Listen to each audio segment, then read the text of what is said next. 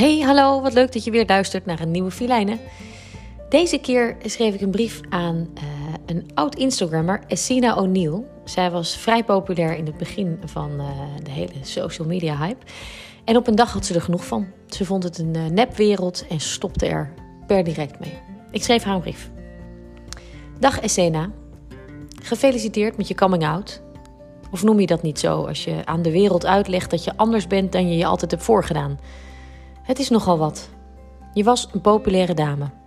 Mooi en vooral maakbaar. De merken fraten je op en je volgers ook. En jij had daar vanaf je twaalfde een baan aan. Verdiende geld, liet de wereld meegenieten van jouw heerlijke leventje. Je droeg kekke jurkjes, je had altijd een good hair day en je wist precies hoe je die eyeliner strak en simpel boven je oog moest plaatsen. Jarenlang genoten duizenden volgers van jouw doen en laten en nu heb je zomaar besloten niets meer te doen en vooral alleen nog maar te laten. Nou ja, zomaar. Lady Gaga gaf een paar weken geleden al een lekkere voorzet voor de eerlijkheidsrage die in gang gezet lijkt te zijn. Ze wil niet langer doen alsof, ze wil niet langer meegaan in de malle molen van het leugenleven. Ze wil zichzelf in de spiegel kunnen aankijken en trots zijn op wie ze ziet. En nu geef jij ook een echt kijkje in je leven. Ook jouw haar zit verschrikkelijk als je er niet eerst een uurtje mee aan de slag gaat. Ook jouw ogen zijn sprakeloos als je er niet een gezellig make-upje overheen smeert. En dat gaat ook bij jou bijna nooit in één keer goed. Jij moet ook je buik inhouden op een bikinifoto. En die vrolijke snoet blijkt nu een vaak gebruikt masker te zijn. Social media zijn nep, zei je. Het web bestaat uit leugens en de wereld is een tweedimensionaal theater geworden waarin iedereen zijn beste ik speelt, riep je. Ik ben het met je eens. Althans, ik ben het gedeeltelijk met je eens. Want dat het web voor een groot gedeelte uit leugens bestaat, dat lijkt me wel een waarheid. En dat iedereen zijn beste ik naar voren schuift op het podium, dat lijkt me grote waarschijnlijkheid. Maar dat sociale media nep zijn, vind ik een grote leugen.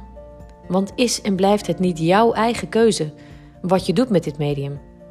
Ben jij het niet zelf die bepaalt of je je buik inhoudt voor een foto die je zelf de wereld instuurt?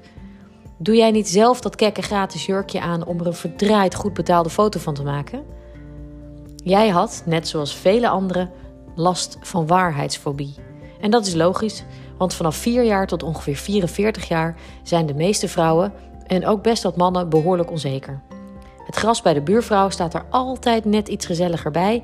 En het wereldwijde web heeft ervoor gezorgd dat je ineens wel, in jouw geval, 500.000 buurvrouwen hebt. Dat is pittig. Jezelf leuk blijven vinden, terwijl het net wordt overspoeld met anderen die hun leven nog leuker liegen, is echt niet makkelijk. Ik snap het heus. Maar ik vind het gewoon een beetje moeilijk dat je het probleem bij het medium zelf neerlegt. Onze moeders liepen tegen dezelfde onzekerheden aan. En onze dochters zullen zich ook echt beter voordoen dan ze zijn. Omdat ieder mens nou eenmaal geliked wil worden. Door papa, door mama en het liefst door de hele wereld. De Facebook-duim, de Instagram-like, de retweet, allemaal zichtbare, meetbare waarderingen. Aan jou de keus of die waardering over jou of over jouw fake me gaat. En in die end is er natuurlijk maar één like nodig om je goed te voelen. En dat is die van jezelf. Ik hoop dat je in je nieuwe rol als jezelf heel veel mensen zult inspireren om hun eigen duim naar zichzelf omhoog te steken. Het ga je goed. Oprechte goed. Filijnen.